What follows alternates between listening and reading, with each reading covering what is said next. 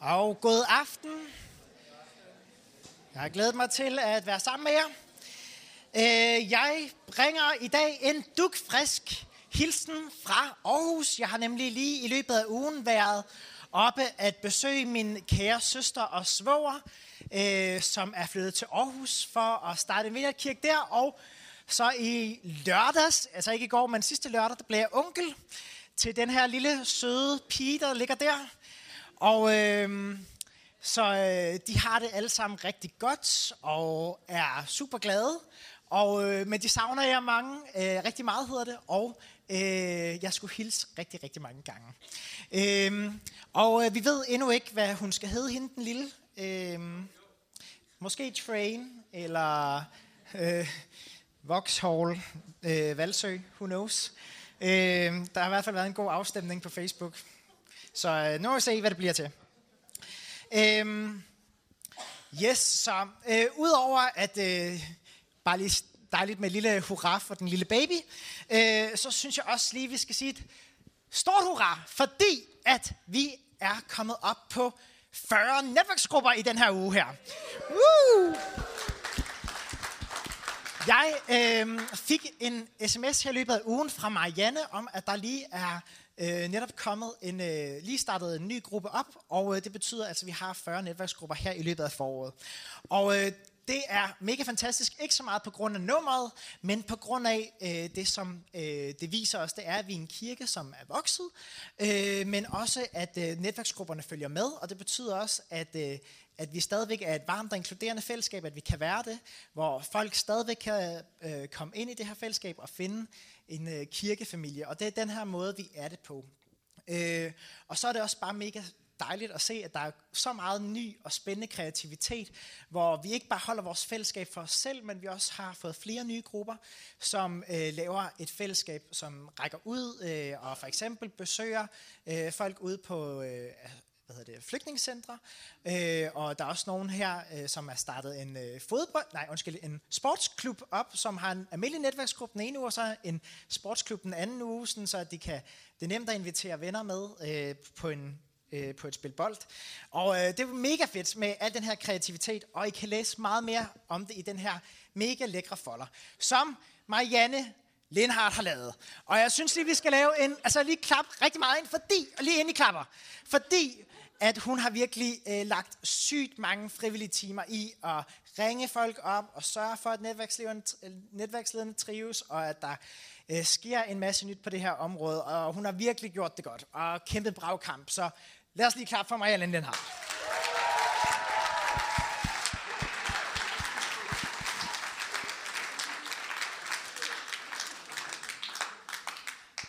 Yes. Øhm, ja, jeg har valgt at kalde dagens tale for I en lille båd, der gynger, øh, som er inspireret af Bamses fantastiske sang, øh, men det kommer jeg tilbage til lidt senere. Øh, jeg har virkelig glædet mig til i dag, fordi at jeg tror virkelig og håber på, at Gud han vil tale til os. Og jeg er spændt på at se, om vi faktisk går anderledes herfra i dag, i forhold til, da vi kom. Øhm, vi har sådan en klassisk vineyard saying, jeg ved ikke om I har hørt den før, men det er, come as you are, but don't stay as you are. Og øh, så uanset hvem du er, uanset hvor du er hen i livet, uanset om der er kaos eller hvad end du står i, så skal du vide, at du er velkommen her, come as you are, og du er elsket af Gud, og, du er, øh, og han elsker dig præcis som du er. Og du er god nok. Men jeg tror også på, at Gud han vil udfordre os til øh, og tænke på en anden måde. Leve vores liv på en anden måde. Handle på en anden måde. Elske på en anden måde. Arbejde på en anden måde. Hvile på en anden måde. Og så videre. Så lad os være i forventning til, øh, at Gud han kan tale til vores hjerter og vores sind, øh, og vores liv og vores hverdagssituationer øh, på en helt almindelig søndag aften som i aften. Og, øh, og være i forventning til, at vi kan gå forandret og øh, opmuntret og forvandlet herfra. Så skal vi ikke starte med at vende vores fokus mod Gud, som øh, allerede er her, øh, men vi skal måske lige tune ind her efter en dejlig kaffepause, og så invitere Helligånden til at være en del af vores midte her. Så øh, vil I ikke være med til at bede sammen med mig? Kære Gud, tak fordi, at du er her. Tak fordi, at øh, vi kan få lov til at vende vores blik mod dig, øh, samles her søndag aften. Vi kan få lov til at tilbe dig og øh, blive inspireret. Og Gud, jeg beder dig om, at du må tale til os, åbne vores hjerter øh, for, hvad du har for os. Øhm, ja, vil du... Øh,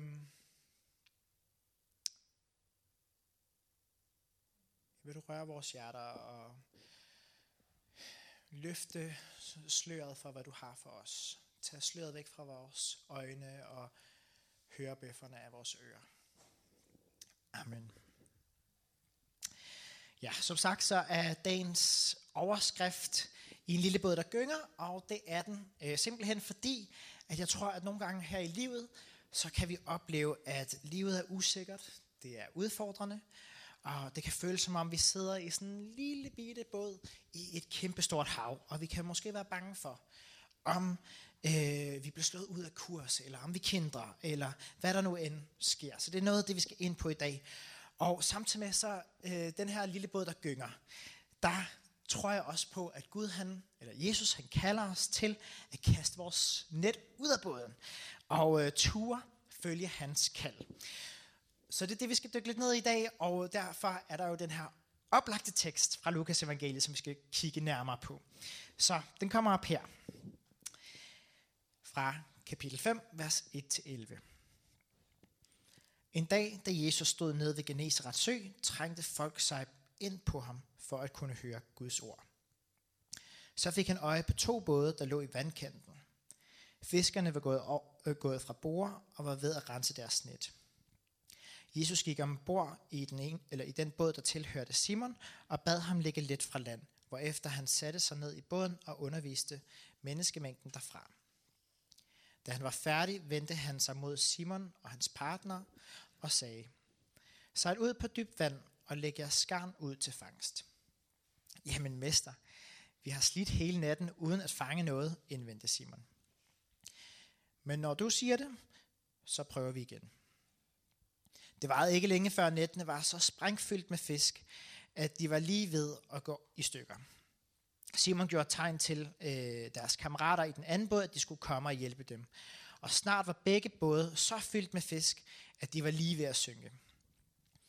Da Simon Peter så det, faldt han på knæ for Jesus og sagde, gå bort fra mig her, for jeg er alt øh, for stor en sønder til at være i din nærhed. Både han selv og hans medhjælpere var lamslået og forskrækket over den mirakuløse fiskefangst. Det samme var Peters makker i den anden båd, Jakob og Johannes, Zebedeus sønner. Men Jesus sagde til Simon, vær ikke bange. Fra nu af skal du være menneskefisker. Efter de havde trukket bådene på land, sagde de farvel til fiskeriet og fulgte nu Jesus på fuld tid som hans disciple. Så dagens tekst her, den handler altså om, at Jesus han kalder Simon Peter til at blive en af sine disciple. Og Simon han er altså sådan en ganske almindelig fisker, som bor øh, i Galilea i Israel. Og øh, på det her tidspunkt, hvor vi møder ham i begyndelsen af Lukas evangeliet, der hedder han så stadigvæk kun Simon, øh, og det er først senere, han får tilnavnet Peter. Og øh, jeg kan allerede på forhånd beklage, at jeg kommer til at sige Peter og Simon en masse gange og kluder rundt i det.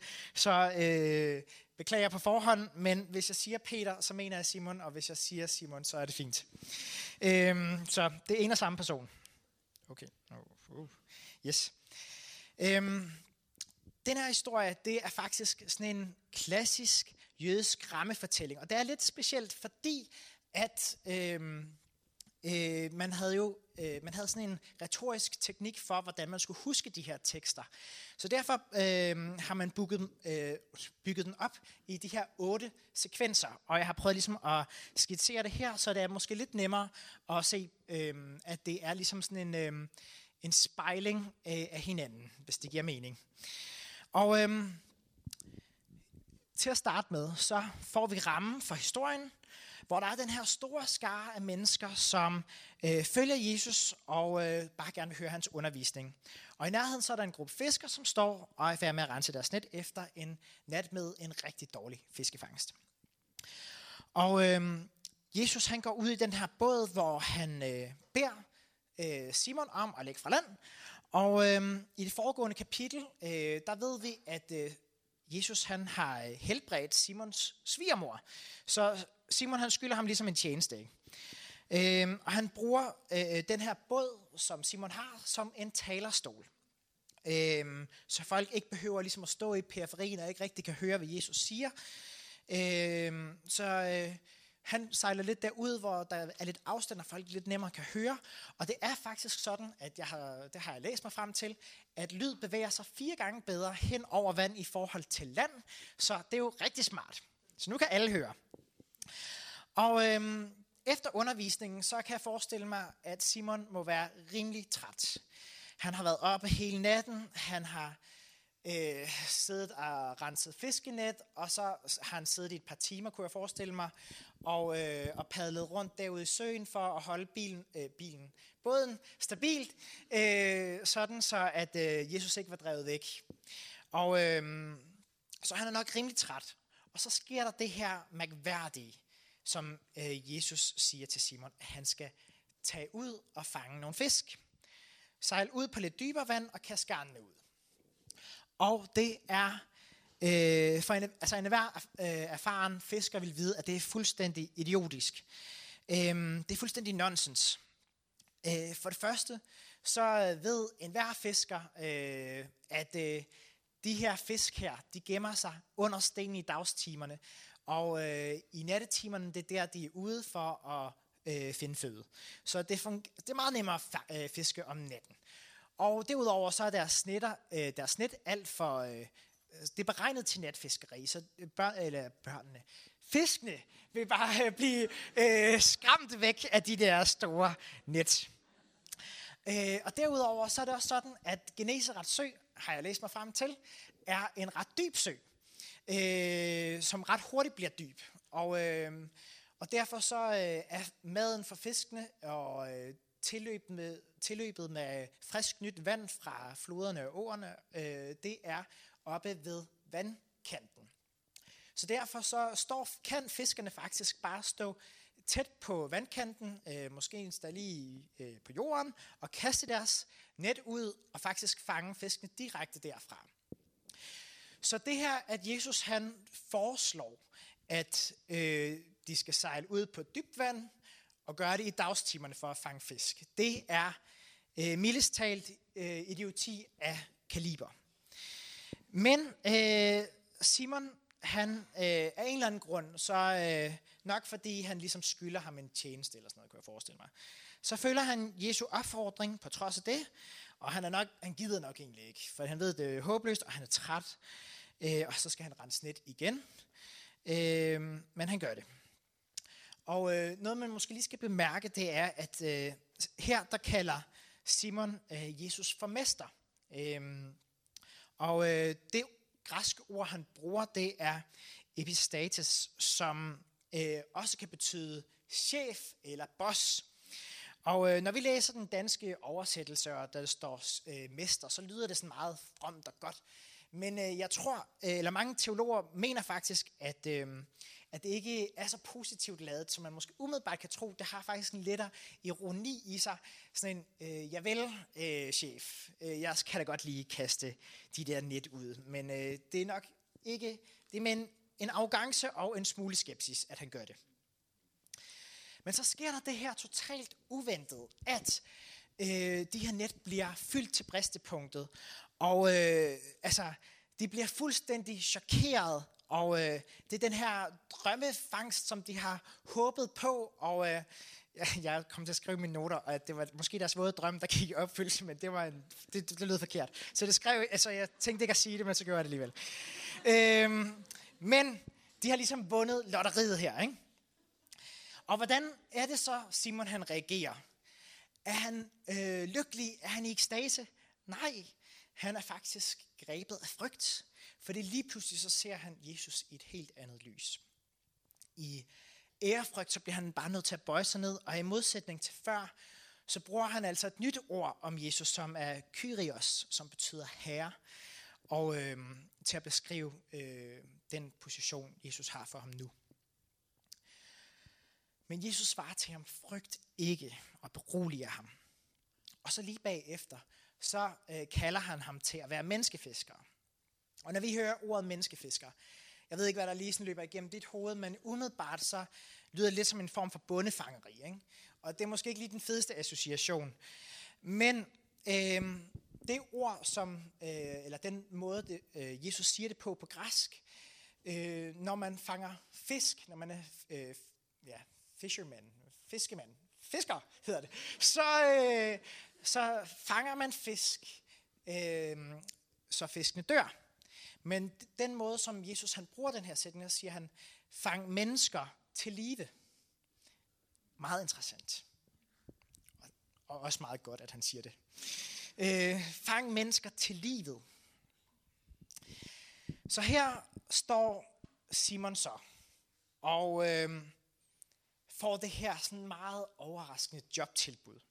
Han har lige haft sit livs fangst, og så spørger Jesus ham om at efterlade det hele og følge ham. Overraskende nok, så lader Simon garnet ligge, og han efterlader båden, han efterlader livet ved Genesarets sø, og så går han i Jesu fodspor. Og det er altså sådan, at øh, den første disciple bliver kaldet, og det er faktisk sådan, at den store fisker, Peter, bliver til. Men der er altså noget ved den her historie, som er en lille smule mærkeligt. Der er noget, som ikke stemmer. Alt taler faktisk fuldstændig imod det her kald. Og øhm, Simon han er faktisk øh, den nok den mest usandsynlige kandidat til at blive en af Jesu disciple. Faktisk ligesom alle de andre disciple i øvrigt var bizarre kandidater til at blive disciple. Hvis vi for eksempel starter med at se det fra øh, Simons synspunkt. Han var fisker, han var bådejer, han havde, det ligesom, han havde ligesom et fast erhverv og en øh, stabil indtægt. Øh, det var så ikke lige gået så godt der, men øh, den, netop den dag, hvor Jesus var der. Men nu havde han lige fået jackpot.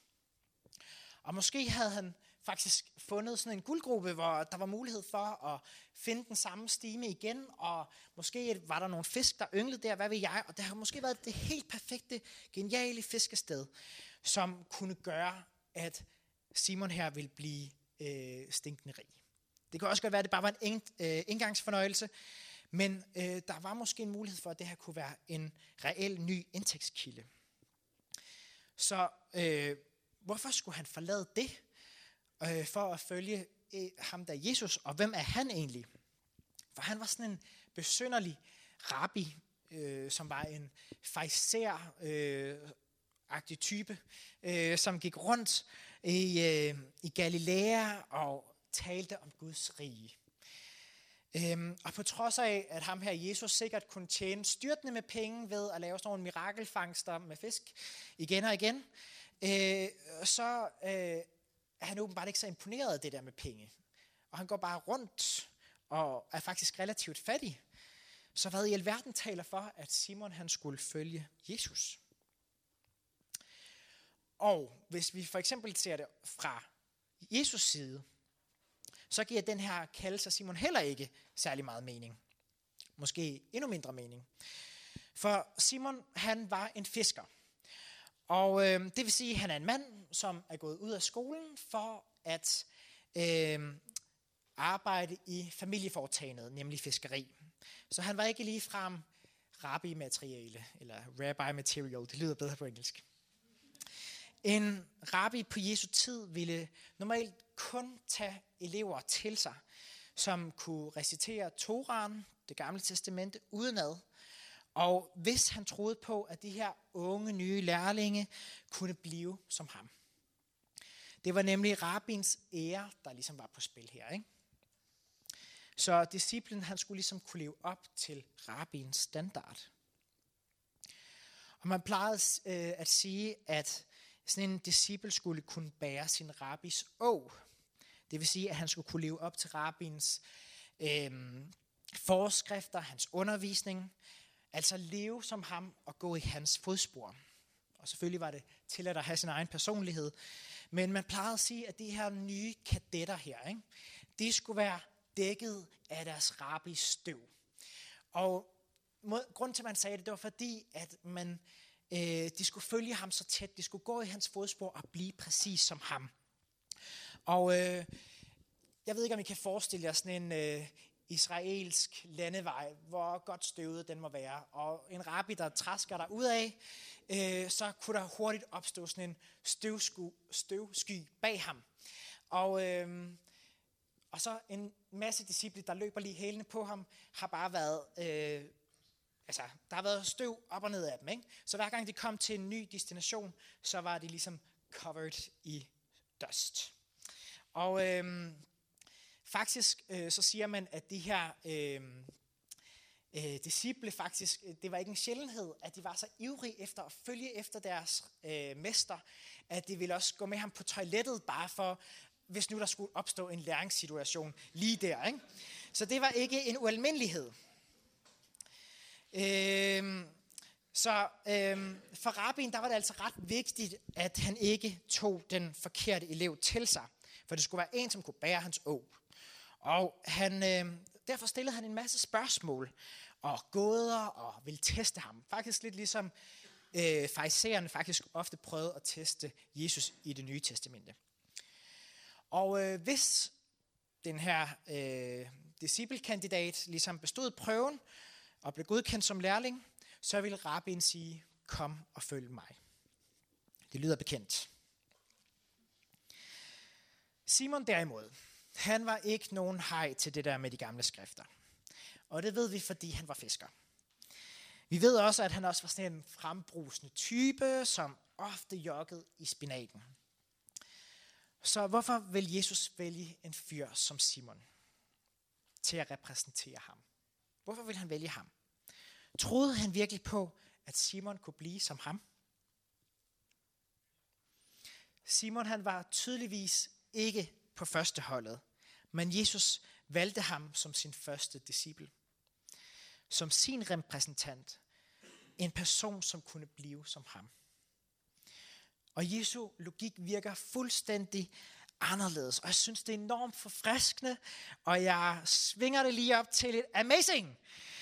Tænk sig, at Jesus han tror på en mand som Simon. En mand fra B-holdet. Og hvis du har det ligesom mig, at du sådan fra tid til anden faktisk kæmper lidt med selvværdet og selvtilliden, øh, så er der faktisk rigtig gode nyheder til dig i dag. For Jesus han kalder faktisk på dig. Du er ikke på hans B-hold. Han inviterer dig med på sit A-hold. Han tror faktisk på dig. Han tror ikke bare på, at du kan blive sådan en fin og from og rigtig god person, en god øh, mand eller kvinde. Han tror faktisk på, at du kan blive ligesom ham. At du kan gøre de samme ting som ham, at du kan være for mennesker på samme måde som ham, at øh, altså, du kan være sendt til verden på samme måde som ham. Er det ikke vildt? Du kan få lov at repræsentere hans ære. Wow. Så hvis du er her i dag, og du føler dig utilstrækkelig, og hånden på hjertet, hvem er os føler os ikke rimelig tit øh, utilstrækkelige i den her præstationskultur, som vi lever i? Er jeg god nok? Gør jeg det nu godt nok på min arbejdsplads, eller på mit studie, eller i min arbejdsløshed, eller i min børneopdragelse, eller mit parforhold, eller mangel på samme? Hvem, har, hvem er jeg så egentlig styr på det her liv? Jeg ved det ikke.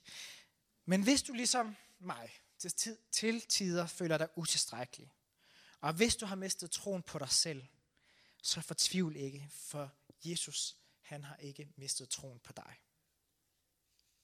Halleluja.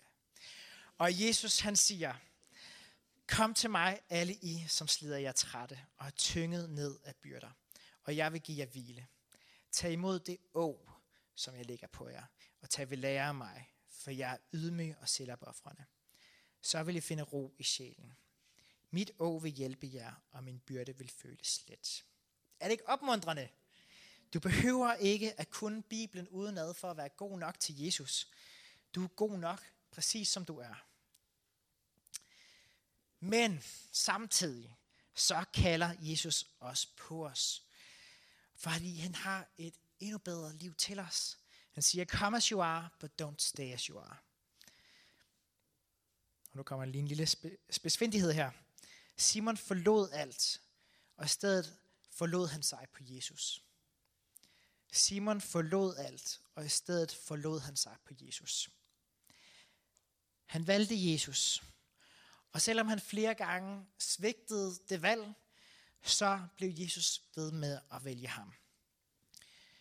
Men Simon han tog altså det her drastiske skridt og forlod sin båd, forlod sin tilværelse og lagde lottogevinsten til side, som han ellers havde drømt om så mange år.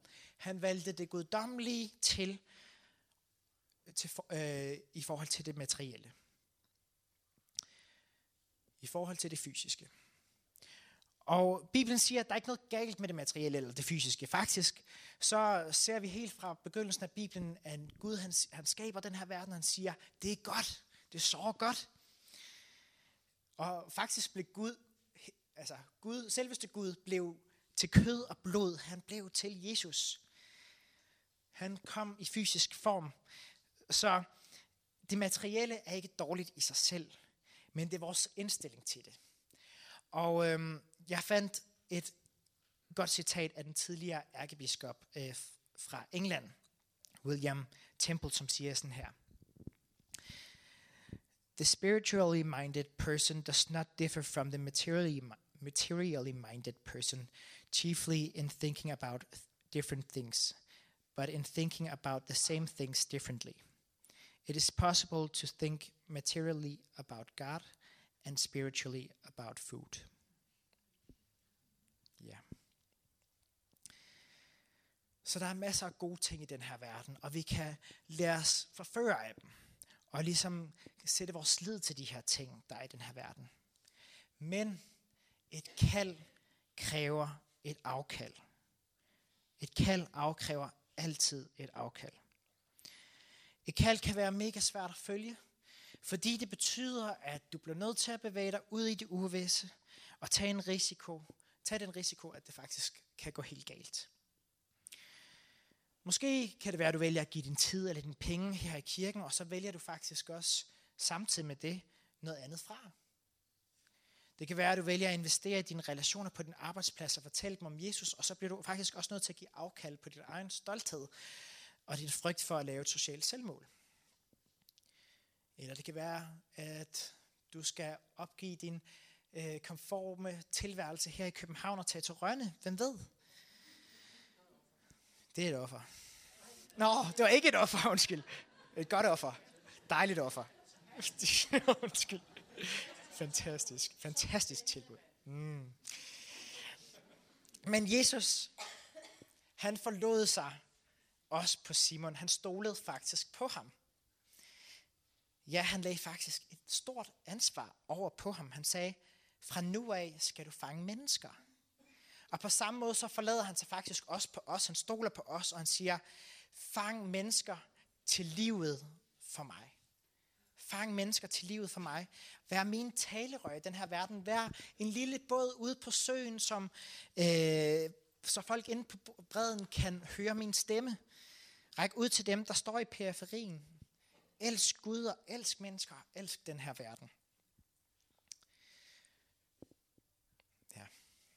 Som de fleste af jer nok ved, så, øh, så står vi i kirken øh, lige nu i en rigtig spændende tid, som også er en lille smule turbulent. Øhm, faktisk. En lille smule. Øh, vi, har, vi er i gang med at plante en, øh, en vineyardkirke i Aarhus, og øh, det er rigtig spændende. Og til sommer så øh, flytter Helle og Karsten til Rønne på Bornholm for at starte en vineyardkirke op der også. Så det er jo noget af et eventyr, vi er på, og jeg er mega begejstret for at være med på det her eventyr, og være en del af det. Og hvis du kommer her i kirken øh, på fast basis, så er det jo dejligt, at vi alle sammen kan være med på det her store eventyr. Vi alle sammen kan være med på den her øh, plan om at være med til at plante kirke rundt omkring i Danmark, og øh, sprede Guds rige og lægge nogle frø ud. Men truth be told, øh, så synes jeg faktisk ikke, at det her har været helt let for mig selv i den her proces. Min øh, søster, svoger Anna Simon, som der var øh, billeder her tidligere, og min to niæser er flyttet til Jylland, og til sommer så rykker øh, min øh, vært, højt værdsatte ven og kollega og øh, mentor til Bornholm. Og øh, midt i alt det, så har jeg tænkt, hvad skal der blive af mig? Og jeg har ærligt talt følt en lille smule, at jeg har været i en båd, der gynger. En lille båd, der gynger. Og bølgerne har klasket ind på siden af skroget, og øhm, jeg har ligesom mistet en lille smule kontrollen over situationen. Der er ligesom uler i mosen. Men jeg øh, har også oplevet, at midt i alt det her, så har Jesus været ved min side midt i båden. Og jeg tror på, at han sidder ved roret, og at jeg ikke er alene i det her lidt kaos og uforudsigelighed, som der ligger foran os. Øhm, og jeg vil bare sige, at øh, jeg har mødt rigtig mange søde og betænksomme her i kirken, og det er jeg virkelig glad for. I har virkelig været øh, skønne og støttende, så det vil jeg bare takke jer for. Øh, og så er det også bare vildt dejligt at vide, at der er nogle skønne kollegaer, som sidder her, og, øh, og så har vi en fantastisk stab, som er med til at arbejde hårdt for den her kirke, at vi kommer godt videre igennem den her øh, transition, og øh, vi er en sund og velsmurt kirke øh, midt i alt det her. Så det er jo sindssygt dejligt. Men jeg fik også en opmundring her fra øh, en, øh, en sød, dejlig kvinde fra Roskilde Vineyard, Britta Strandqvist, hvis I kender hende, som skrev sådan her. Vi har valgt den forkerte kirkefamilie, hvis vi tænker, at livet skal være stille og roligt og uden forandringer. Det synes jeg er meget klogt sagt, og jeg kunne ikke rigtig andet end at give hende ret. For det her har ligesom været kirkens vision helt fra begyndelsen, så det kan ikke rigtig komme bag på nogen. Men det er virkelig et eventyr, og vi er faktisk kun lige rigtig begyndt. Og øhm, midt i alt det her, så vil jeg bare sige, hvis I er i tvivl, at jeg føler mig enormt kaldet til København, og jeg er glad for at være her. Og øh, selvom båden selvfølgelig rokker en lille smule, så er jeg faktisk ikke nervøs for fremtiden, fordi jeg tror på, at Gud han vil styre os i den rigtige retning. Og jeg vil godt mod, fordi jeg har tillid til ham, at der stadigvæk er en masse spændende ting for os som kirke. Der er nye muligheder, nye dynamikker, nye øh, mennesker, som bliver nødt til at rejse sig op og tage lederskab på sig. Og øh, Gud er bestemt ikke færdig med København Vineyard. Han er kun lige begyndt.